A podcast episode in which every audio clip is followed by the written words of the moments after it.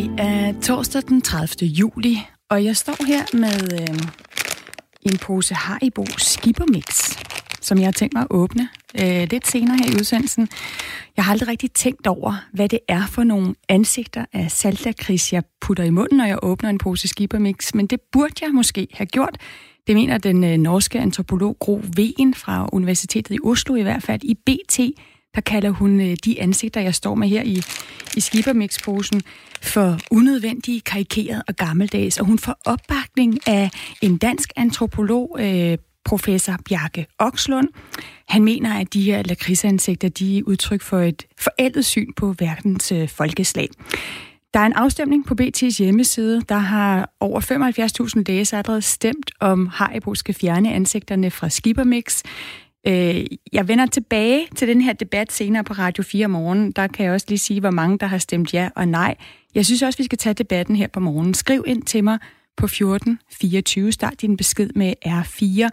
Skal, øh, skal vi også lave om, ikke bare på Eskimois, men på øh, de her skippermix lakridsansigter, at det øh, at overreagere, når vi fjerner kriser eller ændrer navne på is? Eller er det ikke længere så uskyldigt, som vi danskere går og tror, at spise lakridsansigter med blandt andet mexikanerhatte og turbanen på hovedet?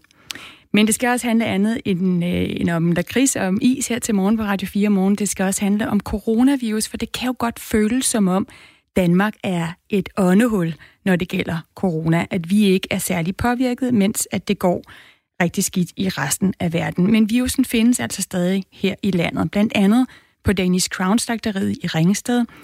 Tirsdag der fortalte øh, virksomheden, at tre medarbejdere på slagteriet var blevet testet positive. I går var tallet 16 smittede. Vi hører mere om de mange smittede på slagteriet i Ringsted senere på morgenen. Og det er jo sådan her i Danmark, at vi godt ved, når det gælder corona, at når vi går udenfor, så skal vi stadig holde afstand. Vi skal holde god hygiejne for at undgå coronasmitte. Det gælder også, når vi går i butikker. Men i for eksempel butikskæden Normal, der kan man få lov til at prøve læbestift og sminke og cremer, lige så tøj som man vil, inden at man eventuelt køber et produkt. Og det øger smitterisikoen, det siger en biolog, vi har talt med. Klokken øh, kvart i otte, der spørger jeg Torben Lauritsen, som er direktør i Normal, hvorfor man stadig ikke har varer til testing stående. Og øh, jeg har også tænkt mig at spørge ham, om han kan have lyst til at dele øh, en læbe på, ned, på mad med mig. Jeg hedder Stine Krohmann Dragsted, og du lytter til Radio 4 morgen.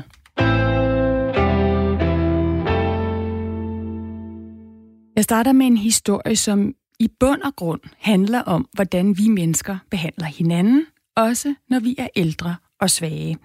Det sætter TV2's dokumentar Plejehjem bag facaden, der har premiere i aften, fokus på. Her afslører TV2 omsorgssvigt i de to øh, kommuner, øh, Aarhus og Randers. I Randers der har særligt én scene vagt opsigt. Scenen viser 91-årige Niels på plejehjemmet Huset Nyvang. Han bliver efterladt 10 timer med afføring, altså lort i sin blæ. Og det på trods af, at han gentager, gentagende gange gør personalet opmærksom på, at han ikke har nået at være på toilettet. Hej Niels. Ja. Kom med mig, vi skal over og spise. Nej. Nej. Spise? Nej. Nej. Vil du spise her? Nej. Ja. Vil du spise her? ja det er nok nu. Jeg kommer med mad. Det er da.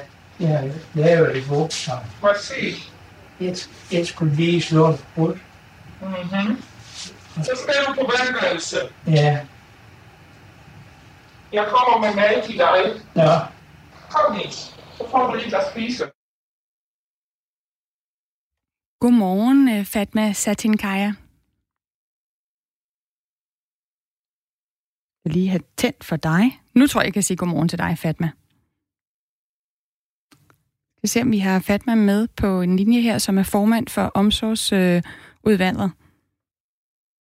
Kan du høre mig nu, Fatma? Øh, ja, jeg kan godt høre dig. Godmorgen. Du er formand for omsorgsudvalget i Randers øh, Kommune for Ja, Socialdemokratiet, og du er, er du ude i noget trafik allerede nu? Jeg har lukket på det. Det er så fint. Ja, Altså, jeg taler med dig, Fatma Satinkaya, fordi at TV2 jo har lavet den her dokumentar, som blandt andet viser 91-årige Nils, som er dement. Han bliver nægtet at få skiftet blæ. Han sidder i 10 timer med lort i blæen. Det afslører den her video i, i dokumentaren. Hvordan kan det ske? Mm. Det må sådan set slet ikke ske. Øh, hverken i huset Nyvang, hvor de her skjulte optagelser er blevet taget, eller, eller på nogle af vores øh, plejecenter overhovedet. Og øh, det har jeg jo også gentagende gange beklaget. Jeg er enormt ked af den situation, som Niels er blevet bragt i her. Hvordan kan det... Hvad der, altså prøv, hvad, prøv lige at sætte nogle ord på. Du siger, du beklager det, men han sidder med, med afføring i sin blæ i 10 timer. Han er dement, men han gør alligevel flere gange opmærksom ja. på det.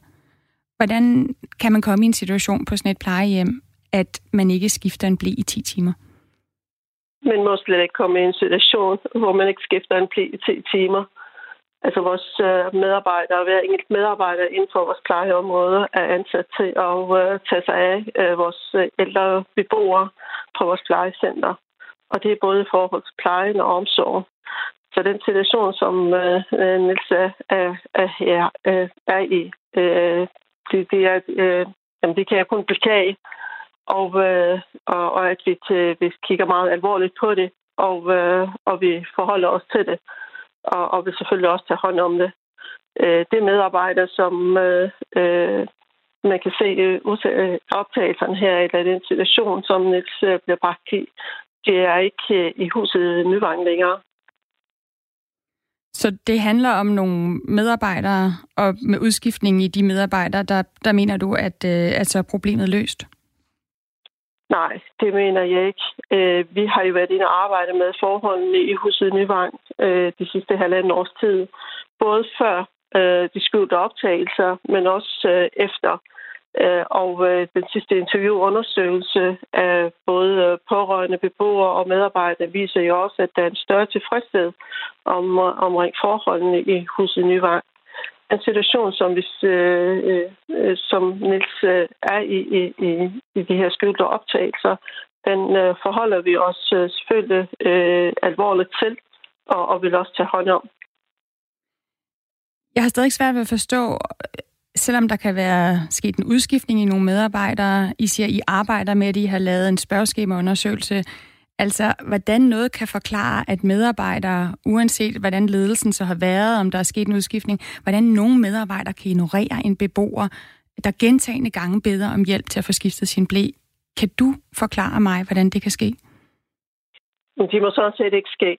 Øh, vi har 2200 medarbejdere ansat inden for omsorgsområdet. Og når vi ansætter et medarbejder, øh, så øh, går vi selvfølgelig ud fra, at medarbejderen har sagt ja til at arbejde øh, hos os, fordi at øh, det er en opgave, øh, medarbejderen øh, kan tage på sig. Øh, også det ansvar, der ligesom følger med øh, opgaven. At det viser sig, at øh, det så ikke er det, der finder sted i, i de øh, optagelser, som vi ser Niels i. Det er desværre, øh, det, det beklager jeg desværre, og det skal vi selvfølgelig have, have taget hånd om, at øh, det ikke sker igen. Altså dokumentaren viser jo også, hvordan plejepersonalet taler grimt og, mm. og man kan sige respektløst til, ja, til, ja, øh, til ja, Niels. Ja. Ja. Kan vi blive enige om, at uanset om man har fået den rette efteruddannelse, eller man har den rette ledelse, så kan man godt være et ordentligt menneske, når man går på arbejde? Det skal der ikke have tvivl om. Altså, det betyder rigtig meget for mig, at uh, hver enkelt uh, beboer på vores plejecenter bliver behandlet med værdighed og respekt og de arbejder, man fører, øh, de skal være etisk rigtigt forstået på den måde, at både den øh, tilgang, man har til den enkelte beboer, men også, øh, at det, det kommer til udtryk via øh, kommunikation, altså den måde, man taler til den enkelte beboer på. Det, det, er, jo, det er jo den måde, jeg gerne vil have, at vores ældre beboere skal behandles på vores plejecenter. Men at det så viser sig, at det ikke er det, der gør sig gældende, øh, som vi kan se via de her skjulte optagelser, jamen, det skal vi selvfølgelig have taget hånd om. Hvis det er noget med kulturen, så skal vi gå ind og se på, hvordan og hvorledes vi kan få ændret den kultur hos vores medarbejdere, så det her det ikke kommer til at ske igen. Den 91-årige Nils, han formår jo, til trods for at han er dement, selv at bede om hjælp flere gange ja. gør opmærksom ja. på det her problem med, at han har lort i blæen. Kan du ja. være bekymret for, når du ser de her optagelser, for de borgere med demens, der sidder på jeres plejehjem, som ikke engang har et sprog, hvordan de kan være blevet behandlet? Derfor viser de her skoleoptagelser også, at vi fremadrettet skal være endnu mere opmærksom, når vi ansætter personale i forhold til at passe vores øh, demente borgere rundt omkring på vores plejecenter. Specielt øh, medarbejdere i forhold til øh, øh, pasning og plejning af vores demente borgere, fordi at jeg ved jo også, at øh, øh, når man skal arbejde med øh, øh, borgere med demens, øh, så kræver det bare en helt anden tilgang. For alt andet lige ved vi jo også, øh, øh, øh, en borger med demens har brug for en, en, en anden tilgang, en, en mere øh, nærværende og, og mere vedholdende kommunikation, øh, fordi at det ikke altid øh, er nemt øh, for den demente borger øh, og øh, opfatte tingene, øh, sådan som de nogle gange er. Øh, og det, Ja, jeg vil bare lige sige, at der har jo været meget fokus på det her allerede, fordi at, at det, det første, vi så om den her dokumentar, det er plejehjem bag facaden, den viste også omsorgsvigt på plejehjemmet Kongsgården i Aarhus Kommune, mm. øh, hvor, hvor at det så har kostet tre ansatte jobbet. Der har været snak om mangel på ressourcer, der har været tale om øh, den her forrådelse, der kan ske blandt plejehjemspersonale, hvor man, når man, når man arbejder med ældre, simpelthen kan få flyttet grænserne for, hvad der er okay. Jeg har selv haft en, en bedstefar, det er der sikkert mange, der har prøvet det her med at have øh, ældre i sin familie, der, der har været dement som jo har sagt alt muligt mærkeligt også til mig, beskyldt mig for at hugge hans ting osv. Man kan komme ud for mm, mange mm. mærkelige ting. Jeg kan aldrig nogensinde forestille mig en situation, hvor jeg vil behandle et menneske så respektløst, som man ser Niels blive behandlet. Altså, har du tillid til, til ledelsen af de medarbejdere, der er i huset på Nyvang? Som sagt, så har vi 2200 medarbejdere indsat, øh, ansat inden for vores øh, øh, område, og øh, rigtig mange ledere. Og øh, øh, ud fra det, jeg er blevet orienteret om, og det, jeg ved, øh, har jeg tillid til, at øh, der også rigtig er vores medarbejdere og ledere til dagligt møder ind på arbejde for et godt, øh, godt stykke arbejde, og øh, gøre det godt for vores øh, beboere. Øh, og, og, der så, og at vi så har enkelte medarbejdere, som ikke lever op til deres ansvar, det er jo så det, vi skal forholde os til. Og, øh, jeg og ved, hvordan vil du øh, forholde dig til det helt konkret? Ja, det er jo det, vi skal, øh, det er jo det, vi skal finde ud af. Det er det, vi skal tale om. Øh, øh, så øh, det, jeg skal ikke have tvivl om, at er der noget, der skal handles på, så bliver der også handlet på. Vi har jo også været igennem et forløb, hvor vi har øh, haft vores øh, Øh, medarbejdere på, på intern øh, undervisnings- og kursusforløb øh, i huset i Nyvej, netop for at, at lære, lære, oplære dem i, eller opkvalificere dem i arbejdet med, med demensborgere. Så med de tiltag, I har haft, er du så sikker på, at der ikke vil ske noget lignende i fremtiden? Jeg kan jo kun øh, arbejde for, at det her det ikke gentager sig igen. Øh, jeg sidder jo ikke ude på det enkelte plejecenter, eller er med den enkelte medarbejder på arbejde, øh, og er på, er på sidelinjen til, at jeg kan sige, at det her det ikke kommer til at ske. Det jeg kan sige, at jeg vil gøre alt for, at det her det ikke kommer til at gentage sig igen, øh, øh, og at øh, vores medarbejdere øh, og den enkelte medarbejder skal selvfølgelig leve op til det ansvar, som øh, vedkommende nu har påtaget sig videre og, øh, at blive ansat hos os. Det sagde Fatma Satinkaya, som er formand for omsorgsudvalget i Randers Kommune, og var med her øh, til morgen, fordi at TV2 altså har lavet den her dokumentar, som viser omsorgsvægt både på et plejehjem i Aarhus, men også på et plejehjem øh, i Randers. Og altså det her problem med, hvordan folk, der er ansat til at yde omsorg til vores ældre, i hvert fald i nogle tilfælde handler øh, ikke med særlig stor med, medmenneskelighed og hvad jeg vil kalde meget øh, respektløs. Hvordan løser man de problemer? Det er noget, det vi gerne øh, vil prøve at få folk, der har ansvar for det her, til at blive helt konkrete på.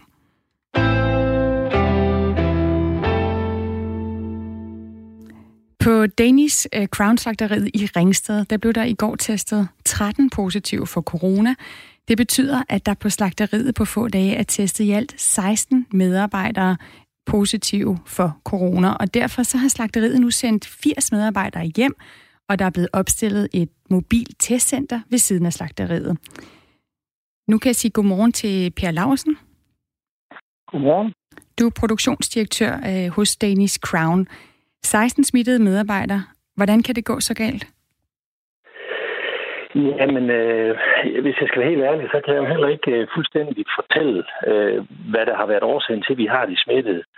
Men hvis vi skal kigge på årsager, så vil jeg sige, at det her med den genvis, jeg vil det, delvise genåbning af vores samfund, øh, kombineret med, at vi alle sammen har været på ferie, skal være på ferie, øh, har deltaget i forskellige arrangementer, hvor vi jo er i nogle andre kredse, end dem vi plejer at være i øh, med onkel og familie og venner, jamen så er det klart, at øh, så er der et, øh, en, en større berøringsflade, og dermed er der også en større risiko. Så, så jeg, det er der, tror vi på, at, øh, at øh, svaret skal findes på, hvor, hvorfor vi nu øh, ser sådan en situation, som vi har i Ringsted. Per Laversen, at, at det her sket, du siger, du ved ikke helt, hvorfor det er sket. Kan det være sket, fordi jeres ansatte er begyndt at slække på de her skærpede hygiejnekrav? Altså, det har jeg ikke nogen øh, indikationer på, at det skulle være tilfældet. Altså, vi har siden marts måned, da coronaen kom til Danmark, eller i hvert fald blev konstateret værende i Danmark, der har vi jo taget Sundhedsstyrelsens anbefalinger, implementeret det implementeret dem som det, vi kalder vores guidelines, når, når øh, vores medarbejdere og kontorpersonale bevæger sig rundt på virksomheden. Så, så der har vi egentlig forsøgt at kopiere anbefalingerne, men øh, jeg tror, det, jeg tror som sagt, det skal ses i det lys, at, øh, at, at når, når, øh, når vi begynder at ændre adfærd, så, så øges risikoen også. Men Per Larsen, altså produktionsdirektør ved Danish Crown, alle andre arbejdspladser oplever jo også, at folk tager ud og på ferie kommer hjem igen. Og vi kan jo se, at det så sker specifikt ved, ved et slagteri som, som jeres. Kan det være, fordi jeres retningslinjer ikke øh, har været gode nok? Jamen altså, vi er meget åbne over for at, at, at gøre tingene bedre, hvis det er muligt. Men øh, fra, fra marts måned til nu, hvor vi har, har fuldt Sundhedsstyrelsens anbefalinger, så har det jo faktisk, kan man sige, vist sig at være effektiv øh, i det, at øh, vi jo ikke har haft en tilsvarende situation på nogle af vores virksomheder overhovedet, øh, før vi nu har det her i Ringsted, desværre. Så du er faktisk i tvivl om, hvordan smitten er opstået hos jeres ansatte?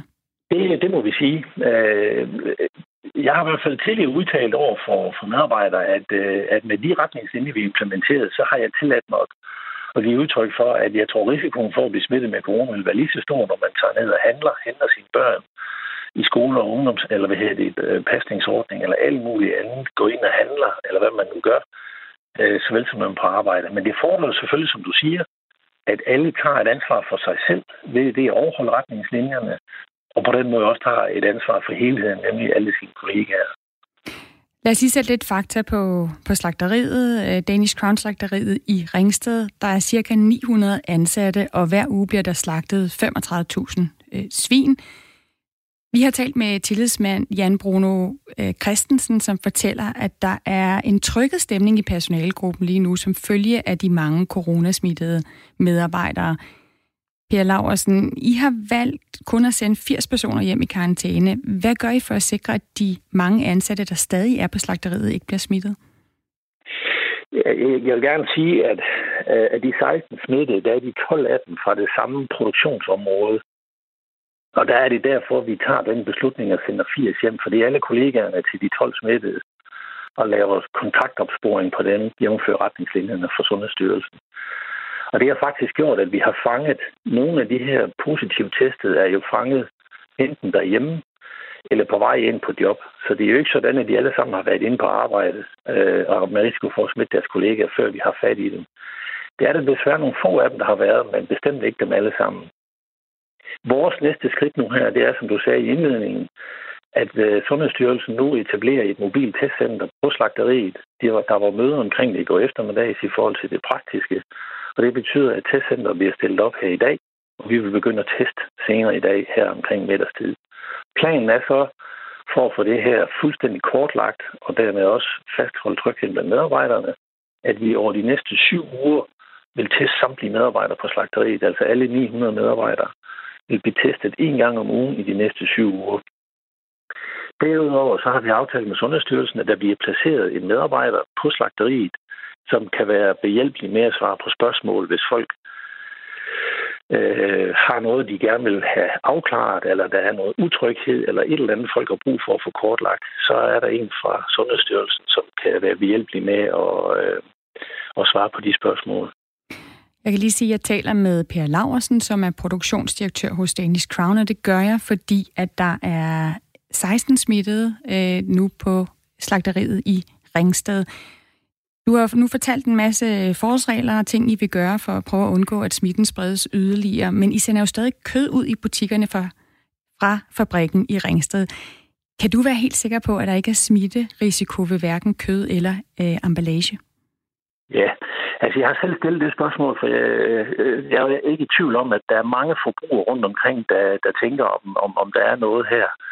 Altså alle de eksperter og, og alle de øh, rapporter, man kan få fat i omkring det her emne, der, der, der tør jeg godt sige helt tydeligt og klart, der er ingen risiko, der er ingen sammenhæng imellem coronasmitte og så fødevaresikkerhed.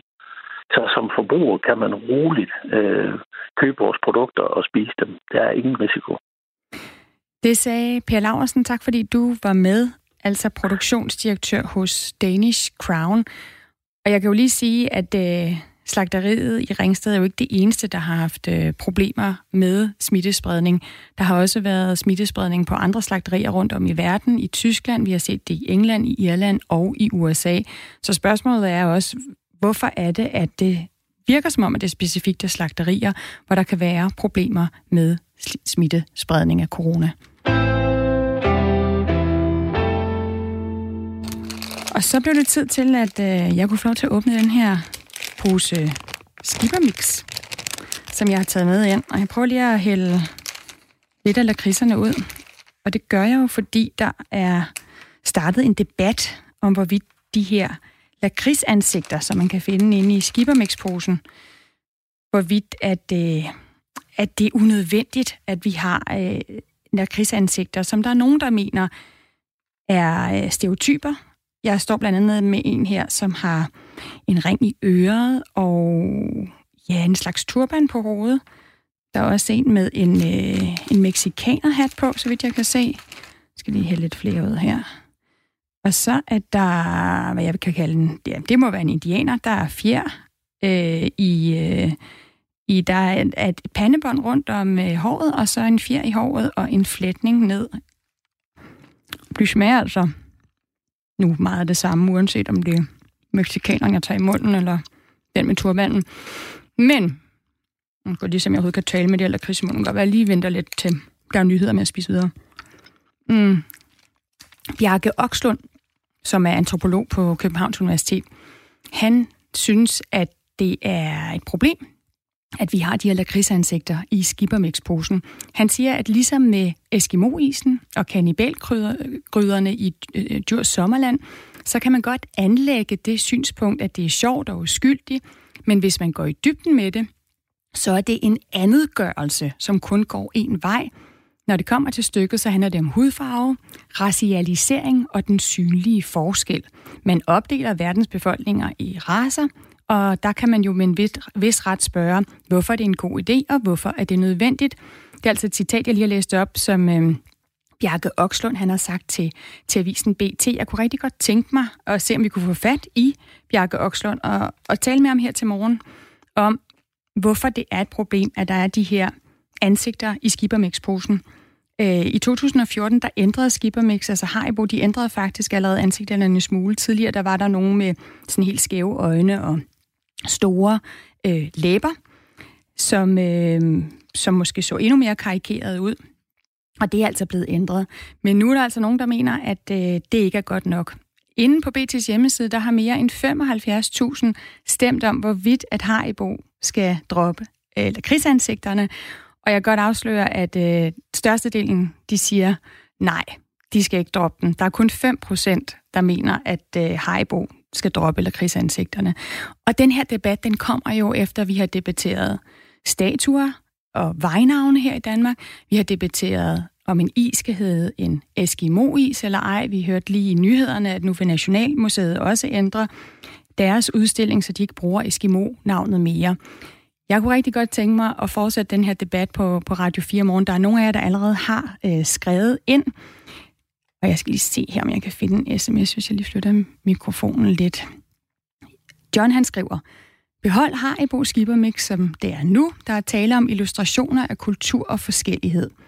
Og så skriver Peter, det er racisme, hvis man ikke må kalde en is Eskimo-is. Og skal se, om der er nogle andre, der har skrevet ind her. Øhm.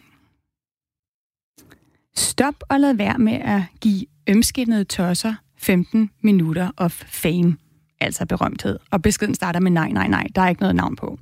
Så øh, nu er klokken desværre blevet halv otte, så jeg skal lige til at sætte nyheder på om lidt, men, men vi fortsætter debatten. Vi håber at få øh, Bjarke Okslund øh, eller en anden ekspert med, der kan fortælle, hvorfor at det er nedsættende eller problematisk at spise lakridsansigter.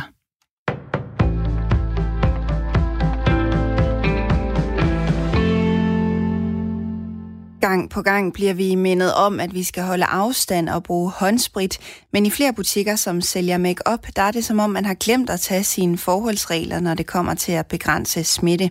I hvert fald så er det mange steder muligt at prøve blandt andet læbestift, cremer og parfumer.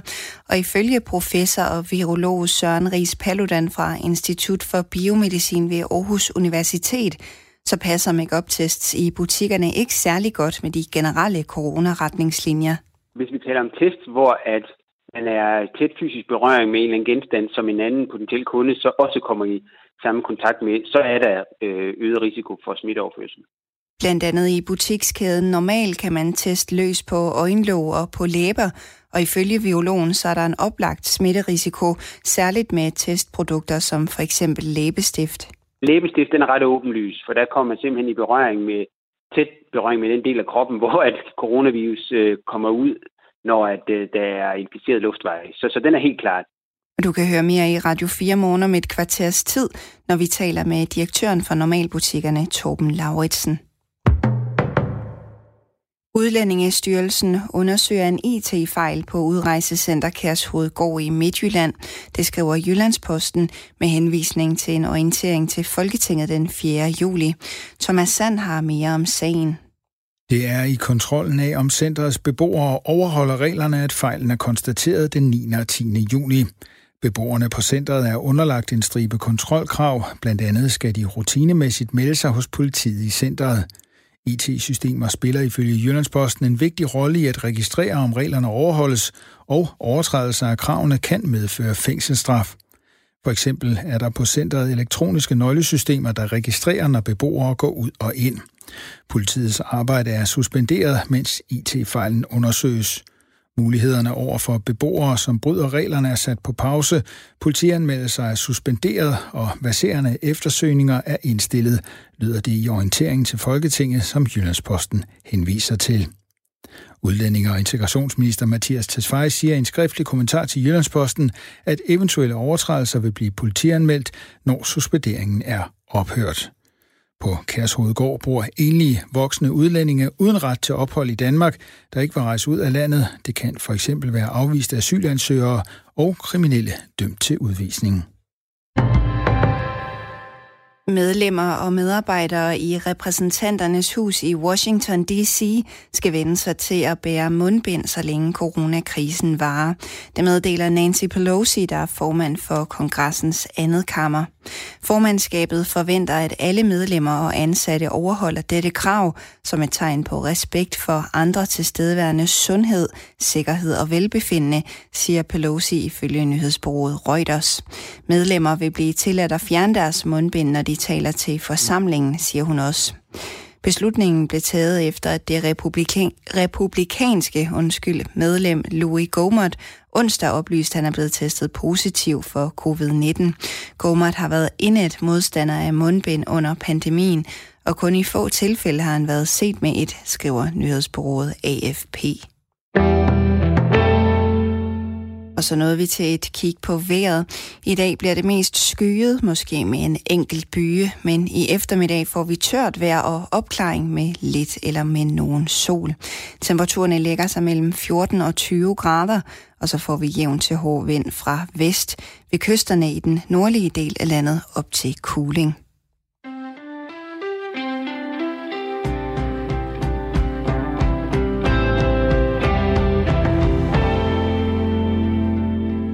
Her over sommeren, der taler vi på Radio 4 morgen med journalister fra lokalaviser landet over, og i dag der er vi her i Aarhus, for nu har jeg dig igennem, Jan Skovby. Godmorgen. Godmorgen. Du er chefredaktør på Aarhus Stifttidene, og som sædvanligt har du taget tre historier med til mig. Vi skal tale om den store, vi skal tale om den mere personlige, og så skal vi tale om den lille skæve. Og der er jo en grund til, at jeg rigtig gerne vil have dig, øh, vil have dig med her til morgen, fordi der er jo det er rigtig meget nyheder fra Aarhus, der fylder i medierne lige nu. Så jeg kan næsten gætte mig til, hvad den store handler om. Ja, den handler jo om, om Kongsgården og den her forfærdelige plejesag, som TV2 heldigvis endelig har fået lov at vise i, øh, i aften. Har du, og, set, øh, har du set udsendelsen? Nej, jeg har ikke set hele udsendelsen nu. Jeg har set en, øh, nogle klip derfra jo, som mange forhåbentlig har. Øh, og det er jo en ja, forfærdelig udsendelse. Det er næsten ikke til at ud og se på. Øh, men den er bare vigtig at, at få vist alligevel. Fordi det er jo meget, meget forfærdeligt vidensbyrd på, hvordan øh, nogle af vores ældre og svageste medborgere på en eller anden måde bliver behandlet i det her samfund. Heldigvis skal vi huske på, at det langt fra er sådan alle steder. Men der er jo nogle steder, hvor de synligheden bliver behandlet på den her måde. Øh, og det er altså det er forfærdeligt. Og øh, desværre er det jo ofte sådan, at pressen skal ind i sådan nogle sager, for at der kan ske noget på området. Øh, og det er jo tydeligt også tilfældet her, fordi pludselig er der ikke en grænse for, hvor mange politikere, der stiller sig i kø og siger, at det er da helt forfærdeligt, og det skal vi da omgående have gjort noget ved. Men det skete jo først efter, at øh, Randers og Aarhus Kommune valgte at politianmelde TV2 for at have filmet ja. med skjult kamera, og der blev nedlagt fodforbud imod at vise denne her Fire medarbejdere hos TV2, heriblandt Mik- øh, Mikkel Hertz selv, er, er sigtet øh, i sagen. Du siger, at det, du synes, det er vigtigt, at den er kommet ud. Ja, altså det, det er klart, de risikerer jo øh, og selvfølgelig at få en, en dom men sådan er det nogle gange, når man laver øh, journalistik, der er så væsentligt som det her. Så kan man jo risikere at skulle overtræde nogle regler for at få det frem. Øh, og det har de gjort, og det må de selvfølgelig også tage den straf, det fald Jeg tror ikke på, at det kommer til at give nogen straf, fordi jeg er ret sikker på, at øh, en domstol selvfølgelig vil kunne forstå, at det her det er samfundsvæsenet øh, at få sådan noget her som det her frem. Så kan man i må jo gerne overtræde reglerne, hvis det er det. Så jeg er sikker på, at domstolen vil ende med at frikende, hvis den kommer så langt. Øh, men der er jo mange aspekter af det her. Altså Aarhus Kommune siger, at de har sådan en pligt til at passe på deres borgere. Og det har de jo helt sikkert også. Man kan bare undre sig over, at øh, de først finder den her pligt frem, da TV2 kan vise nogle groteske billeder af, hvor færdigt det her det er. Øh, altså, det er, jo, det er jo, hvad de her øh, pårørende til de demente mennesker har jo klaget i overvis, uden at få noget som helst ud af det her. Så de til sidst var i desperation henvendt til TV2, der så laver nogle optagelser, der viser, at de pårørende havde ret. Det her var jo forfærdeligt. Øh, så derfor så er det jo helt grotesk, at Aarhus Kommune overhovedet har valgt at, at forsøge at få nedlagt et fodforbud. De kommer til at bruge 1 million 112.000 kroner på advokatudgifter, øh, mindst. 1 million 112.000 på noget, som de aldrig burde have anlagt. Og så de kunne undgå det. Man kan selvfølgelig også lige stille spørgsmål, så man ved, hvordan i alverden kan et advokatfirma aflevere en regning på over en million kroner.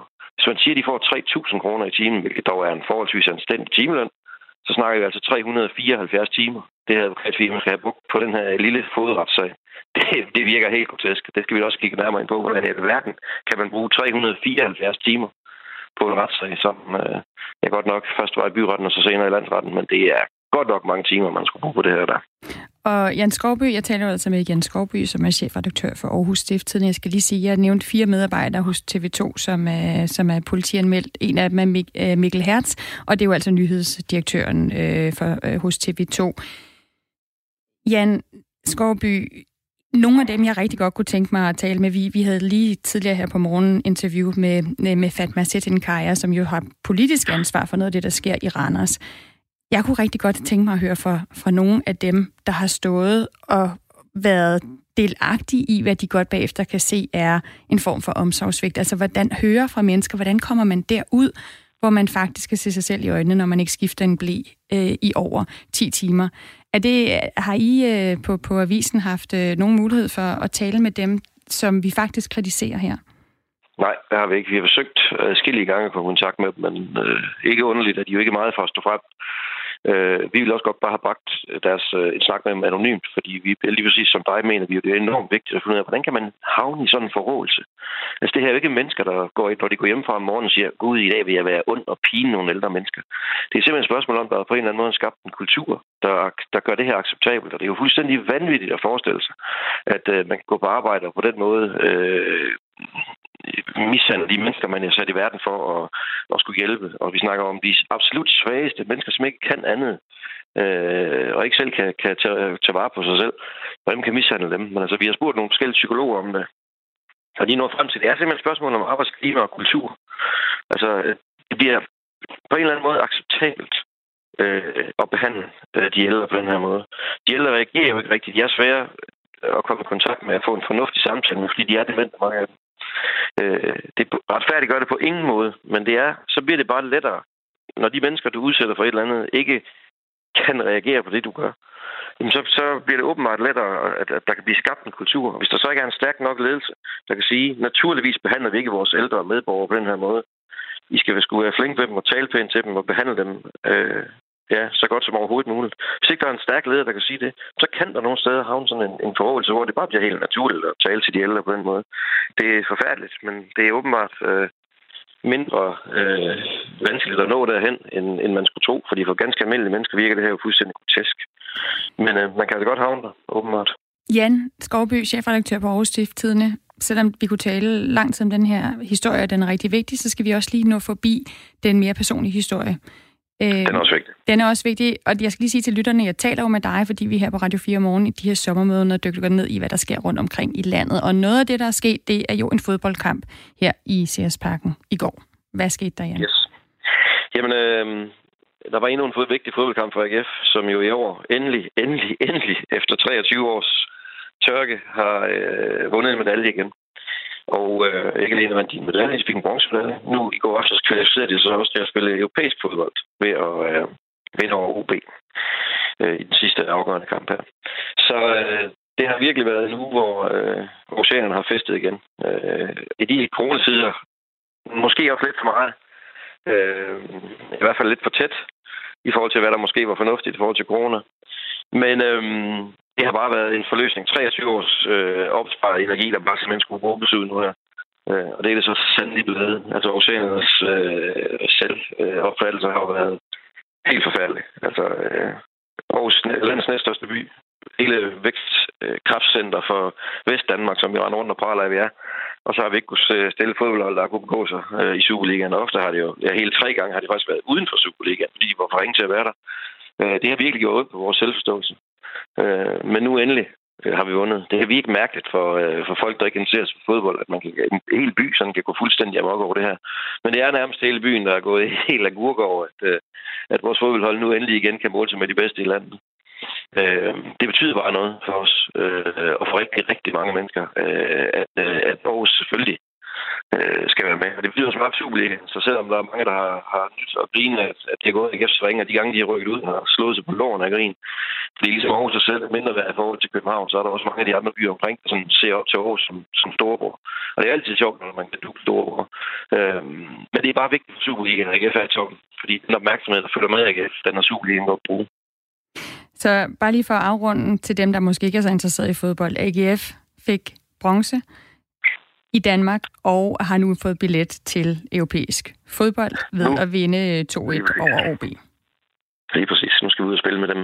Med de store hold ude i Europa, folk er allerede begyndt at vurdere på, hvem de helst med. Barcelona og Real Madrid. Der er lige, øh, der er lige et stykke vej, før vi ender der. Men bare det, at de nu skal til at udspille europæisk, det er jo også øh, altså, det er jo virkelig noget, som fodboldfans de, de også uh, ser frem til. Så det har været en jubel i Aarhus på det punkt. Jens Gårdby, chefredaktør for Aarhus Stifttidene.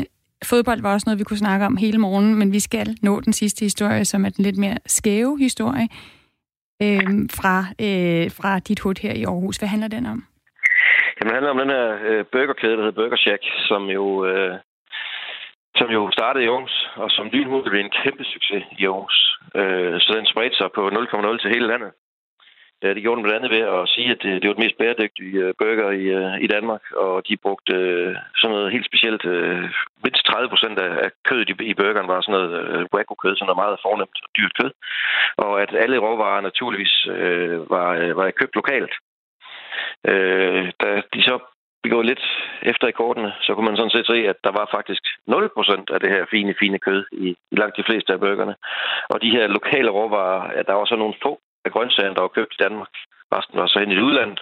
Der mente de så også, at jamen, lokalt, det er jo også i Danmark. Prøvede de forsvarer sig med. øh, og kunne hjælpe med, om ikke så da sundhedsmyndigheden kom på besøg, så tror jeg, det var, jeg tror, det var 15 og 16, så også fik en påtale. Det var i hvert fald rigtig mange restauranter, der heller ikke overholdt øh, blandt andet kødets temperatur, havde de ikke helt styr på. Så det har virkelig været en, øh, en nedtur af de helt, helt store, ikke? Øh, man kan sige, at den måske nok øh, fik kæden nok øh, eksploderet lige rigeligt hurtigt, så de kunne op, øh, opretholde den her fine kvalitet, for det var i hvert fald, at de var i Aarhus alene glimrende bøger, som, øh, som oceanerne tog godt imod, og derfor så tog også Atlanten landet også godt imod dem. Men der kan man virkelig tale om, at, øh, at der skulle, de, skulle, de gik for vidt, og, og succesen blev simpelthen til synligheden for stor for dem. For i hvert fald så er det, øh, er det her noget, der kan, om ikke tro og så må det virkelig være noget, der påvirker dem. Fordi hvis man går ind på for eksempel Trustpilot og ser, hvordan de bliver behandlet derinde nu, så bliver de jo svinen til for højre og venstre. Øh, fordi sådan noget, danskerne ikke kan acceptere, så er det sådan noget som det her. Og Jens Gårdby, chefredaktør på Aarhus Stifttidende, vi, altså, vi taler om det her med Burger Shack, som altså har løjet om, hvor meget af en eller anden meget fin slags kød, der har været i deres bøffer. Nu kan jeg lidt bedre forstå, jeg er jo lige flyttet til Aarhus. Vi gik faktisk ind på Burger Shack en af de første dage, vi var her, og der var ikke et øje. Og det var jo et lille smule underligt. Vi sad simpelthen som den eneste familie. Det, de smagte okay, vil jeg sige. Og der hang jo fine anmeldelser rundt omkring i, i lokalet. Men nu forstår jeg lidt bedre, hvorfor der faktisk ikke var andre. Vi havde, vi havde altså, god vi har også, vi har også gået den til byens bedste burger, burger to år i træk, så det, det, det øh, ja, ja, det var nok ikke det bedste valg. Tak, Jens Gårdby, chefredaktør på Aarhus Stifttidende, for jeg måtte forstyrre dig i din ferie på en lidt shaky øh, telefonlinje, men øh, det gik. Vi fik øh, både vendt øh, plejehjemsdebatten, øh, fodboldfest og måske lidt for meget øh, fest, og så også øh, de her burger, som ikke var måske helt så lækre, som øh, vi havde gået og troet.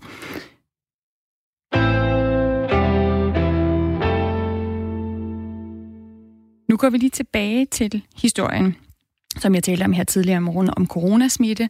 Coronasmitte i Danmark. Vi har lige hørt om, hvordan der er 16, der er smittet på et slagteri i Ringsted. Vi skal stadigvæk holde afstand, for, for vi at vide, når vi går udenfor. Vi skal begrænse den fysiske kontakt. Vi skal øh, have god håndhygiejne. Vi skal tage hensyn til andre. Vi skal vaske vores hænder tit og bruge håndsprit. Og det er altså de retningslinjer, vi jo har brugt de seneste måneder på at, at leve efter, for at undgå, at vi netop får mere coronasmitte i Danmark. Også i butikkerne. Men i nogle butikker, der har tingene altså ændret sig. Øhm, og det er blandt andet i butikken øh, Normal, der har 150 danske butikker fordelt i hele landet. Her kan man nemlig teste læbestifter og cremer og parfume osv. Og der er egentlig ikke rigtig nogen begrænsninger på, hvad man må røre ved. Og derfor vil jeg lige sige godmorgen til dig, Torben Lauritsen, direktør i Normal. Godmorgen. Hvis jeg går ind i jeres butik og prøver en læbepomade, vil du så have lyst til at prøve den lige efter mig? Nej, men det er heller ikke helt rigtigt, den måde, du får det fremlagt på. Fordi vi har hele tiden under corona-epidemien øh, kunne øh, præsentere kunderne for tester, og det er der en helt særlig årsag til. Vi har skilt med, at testerne kun må anvendes på hænderne og ikke i ansigtet. Øh, men vores erfaring er, at hvis vi ingen tester har, så åbner kunderne, øh, de vil nemlig gerne prøve varerne, inden de køber dem. Så åbner de varerne og prøver øh, de nye varer, og øh, det kommer tilbage på hylderne, så ved man slet ikke, hvad der har været rørt ved, og hvad der ikke har været rørt ved. Så derfor har vi, øh, har vi givet kunderne mulighed for at teste varerne på hænderne, men ikke i ansigtet. Øh, og de tester kan man jo ikke købe. Det er jo ikke bare, man kan komme med hjem igen i nogle varme, der bliver stående i butikkerne. Men det er altså nogle tester, hvor at jeg kan gå ind prøve en læbestift, og så kan der komme en ind lige bagefter, og så kan hun også prøve den på hænderne, og hvis der ikke er nogen, der lige holder øje med det, så kunne det også være, at jeg prøvede den på læberne. Altså har I nogen, der står og holder øje med, hvor kunderne prøver dem henne? Nej, det kan, ikke, det kan jo ikke lade sig gøre. Det er det samme, hvis du går ind i Føtex og køber en vandmelon, og der er en, der rød ved den vandmelon, eller du går hen og tanker benzin på en tankstation, så ved du heller ikke, at den er rød ved den ende, om det kommer at spille tankstanderne af. Så det handler jo i det handler jo i bund og grund om, at vi prøver at sikre ud fra et realistisk scenarie, hvordan sikrer vi kunderne bedst muligt med alle de varer, vi har i butikkerne. Det har vi altså fundet ud af. Det gør vi bedst ved, at man kan at vi mærker jo alle vores varer, der er testet. Det står jo højt og tydeligt på selve varerne, at det er test. Det vil sige, at varerne er ikke til salg. Så, så man kan se, at øh, det her det er meget, man kan teste, og der står ud på varerne, at man kan teste det på hænderne, men ikke i ansigtet. Men det er altså ikke nogen, der, der holder kontrol med. Øh, Torben Lauritsen, altså... Det kunne godt, ja. det, det kunne godt finde ud af. øh, og, og håndtere det her. Øh, Øhm, vi har talt og, vi, med... og vi, ved, altså, vi ved jo også, at det, det Nu afbryder jeg dig lige i to minutter, fordi vi har spurgt uh, professor og biolog Søren Ries Paludan fra Institut for Biomedicin ved Aarhus Universitet, om der kan være en smitterisiko ved de her selvtest. Prøv at høre. Hvis vi taler om test, hvor at man er tæt fysisk berøring med en eller anden genstand, som en anden potentiel kunde så også kommer i samme kontakt med, så er der øh, øget risiko for smitteoverførsel.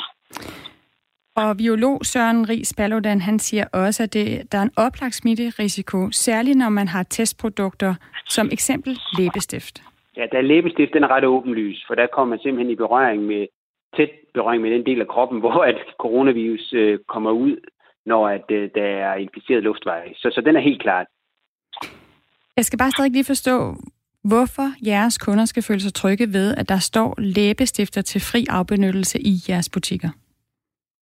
Men selvfølgelig føler egentlig, man er rigtig tryg ved det, fordi hvis ikke der var tester, det har vi også erfaring med, altså hvis ikke der er tester fremme, så tager kunderne tilfældige varer, og så hvis der står sådan 100 læbestifter fremme på uden salg, og der ikke er en af dem, der er markeret med tester, så ved man ikke, hvilken vare kunden har prøvet, fordi kunderne vil prøve varen, og så tager de tilfældige varer, der ikke har været åbne og tester dem, så kan man netop komme til at købe en vare mere, end der har anvendt andre kunder. Så det her med, at der står en vare, der er tydeligt markeret som tester, og i øvrigt står, man ikke må bruge det som øh, i ansigtet. Det gør altså, at kunderne er meget mere trygge ved, den vare, de tager med hjem, den øh, rent faktisk også er, er helt ny og ubrugt. Torben Mauritsen, man kan jo også have, man kan også have virus på hånden. Det er jo derfor, vi ikke skal, skal give hinanden hånd. Det er jo derfor, vi hele tiden skal spritte hånden af. Mm, præcis. Ja, så hvorfor må man prøve det på hånden? Jamen, altså, man skal jo kun røre alle varer, så det handler om personlig hygiejne sidste ende. Det handler om, at man selv sørger for at spritte sig af, inden man putter hænderne op i ansigtet og ind i sin mund og andre steder, hvor man kan overføre smitte. Øh, så, så hvis du går ind i vores butikker eller hvilken som helst anden butik, det kan være en tøjbutik, hvor kunderne har rørt ved tøjet, man kan ikke stå og spritte tøj af. Så det handler om, at inden man putter hænderne op i sit ansigt og ind, hvor man kan overføre smitte, så og sørge for at spritte sig selv af. Det er jo alle steder, hvor man bevæger sig rundt, der handler det om, at man selv sørger for at- spritte sig af, så man ikke overfører smitte, og man også sørger for at spritte sig selv af, inden man putter hænderne ind i steder, hvor man øh, smitter sig selv. Det det er- men forklar mig lige, vi er midt i en coronaepidemi. Vi skal ud og købe tøj, vi skal ud og købe mad. Mm. Men vi har den her farlige epidemi, der er rigtig mange, der er døde. Der er også nogen, der er døde i Danmark. Der er folk, der er syge. Hvorfor er det vigtigere i en kosmetikbutik og parfume- og cremebutik, at I har kosmetiktest i butikken, læbestifter og så videre, end at vi får styr på coronasmitten? Jeg, jamen, jeg forstår egentlig ikke rigtigt. Øh, øh, det kan være, at jeg forklarer det dårligt, fordi det, jeg siger, det er jo, at så skulle vi fjerne alle varer på vores butikker, og i øvrigt fjerne alle varer på samfundet, til folk rører ved produkterne. Altså, så vidt jeg handler ved, i Norge, der må man faktisk ikke prøve parfume, for eksempel, i øjeblikket. Det er jo ikke nødvendigt at købe parfume. Det er jo en måde at, at, at sige, hvad er nødvendigt, hvad er ikke nødvendigt, at vi rører ved hinanden. Og lige her, der siger du så, jamen altså, vi, vi må stole på, at kunderne har god håndhygiejne, men det er jo ikke nødvendigt, at vi prøver læbestift og parfume lige nu. Hvorfor ikke bare fjerne de ting, eller put, uh, sige lige i øjeblikket, der kan kunderne simpelthen ikke prøve læbestift, parfumer og cremer. I den verden, du skitserer der, så, så svarer det til, at man skal sige, at man ikke må købe produkt overhovedet, fordi alle kan røre ved alting. Så derfor, altså, derfor er det altså, øh, i, altså vi, vi prøver i sådan en realistisk verden at forholde os til, hvordan vi sikrer vores kunder allerbedst. Og det er der ingen tvivl om, og det gør vi ved, at vi har tester på andre tydeligere markerede tester, som man kan anvende i på og så kan man jo øh, lade være at bruge de produkter så til salg. Det er en falsk tryghed at, at, at undgå det med tester, fordi kunderne vil prøve varerne, og det ved vi af erfaring, så tager de produkterne. Øh, og, du, og, og, man kan sige, når du tanker benzin på en tankstation, så har du også lige været ind og rørt på den vare, den er ikke spritet af, den håndstander, eller går du ind i et supermarked, og, eller i vores butikker for den sags skyld, og rører ved varerne. Så, så det handler også lidt om, er det udvendigt, eller er det indvendigt for varerne? Det, det er jo sådan set ligegyldigt, hvor varerne bliver berørt.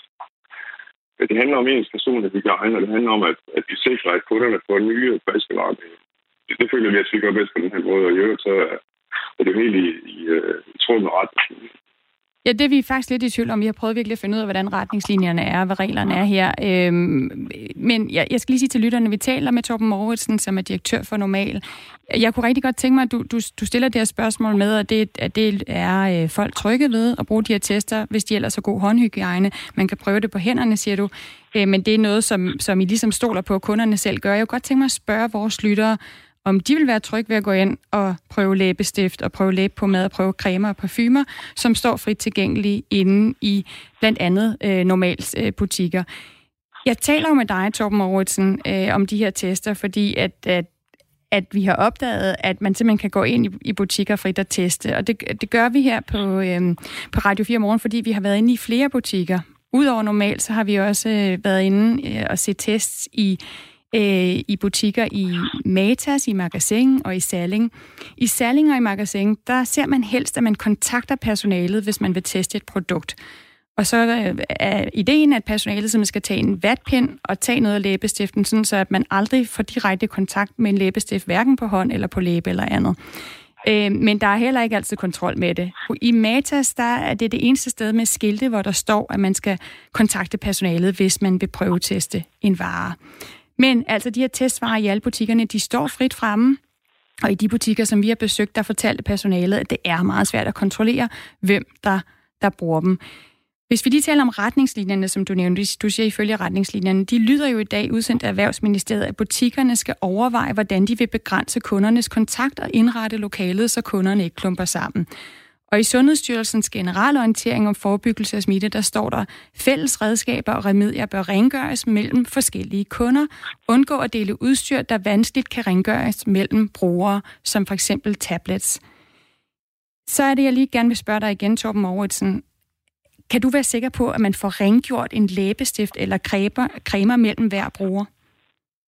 Nej, det kan vi 100% øh, sikkert ikke garantere. Det, og det samme kan vi jo ikke med, med nogle som andre varer, fordi kunderne rører ved varerne, sætter det tilbage på hylderne igen. Så derfor handler det om, øh, at igen, som jeg siger, det handler om personlig hygiejne. Det handler om, at vi kan ikke garantere, at det tror jeg ikke, der er nogen, der kan garantere, at der ikke er andre, der kan berøre de ting, vi, vi rører ved. Så det handler om, at vi prøver at begrænse videst mulig omfang. Og i forhold til testerne, så er det altså vores erfaring, som jeg har nævnt, at vores aller, allerbedste måde at begrænse den her ved, det er ved at lave et lille begrænset udvalg af varer, som kunderne kan teste på deres hænder, og dermed undgår de, de øh, netop åbner helt nye varer, som andre kunder så kan få med hjem.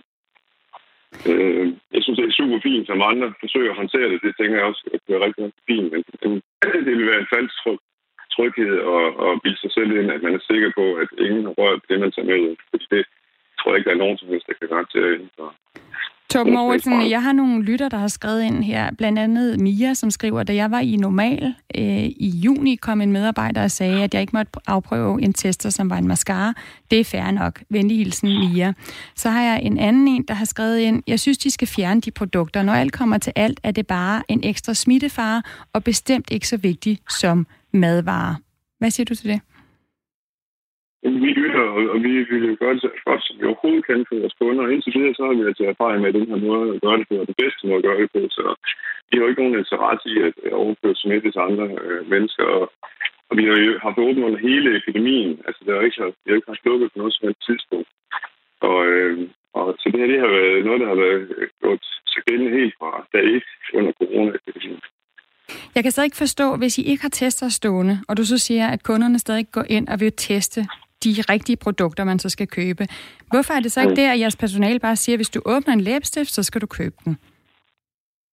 Jamen, det gør vi jo også. Det står, det står der også i butikken skillet. Hvis du har åbnet en vare og anvendt, så skal du købe det. Men sådan er virkelig verden jo ikke altid. Øh, men... Kunderne åbner en håndcreme, så prøver den igen tilbage på hylden igen, og det gør de ikke, så han tester. Så I har ikke nok personale til at holde opsyn med, om kunderne åbner dem og stiller dem tilbage igen? Er det det, der er problemet? Ja, det synes jeg ikke er et problem, fordi det, det, det, det, det er der ingen mennesker, der har. Det er der ingen butikker i Danmark, der har personale til at observere samtlige kunder. Det kan ikke lade sig gøre. Lige her til sidst, uh, Torben Mortensen, vi har spurgt biolog Søren Ries Paludan, om han mener, at de her test i butikkerne burde forbydes her, hvad han siger. Ja, det kunne egentlig være en god idé. Nu er meget af det her jo kørt i det hele taget med sådan ret forsigtighedsprincip, og der kunne man i og for sig også inkludere test og, og med ret specifikke retningslinjer. Så hvis vi skal køre efter et forsigtighedsprincip, så siger biolog Søren Ries Paludan, at det vil være en god idé. Vil I i normalt ændre jeres praksis med tests?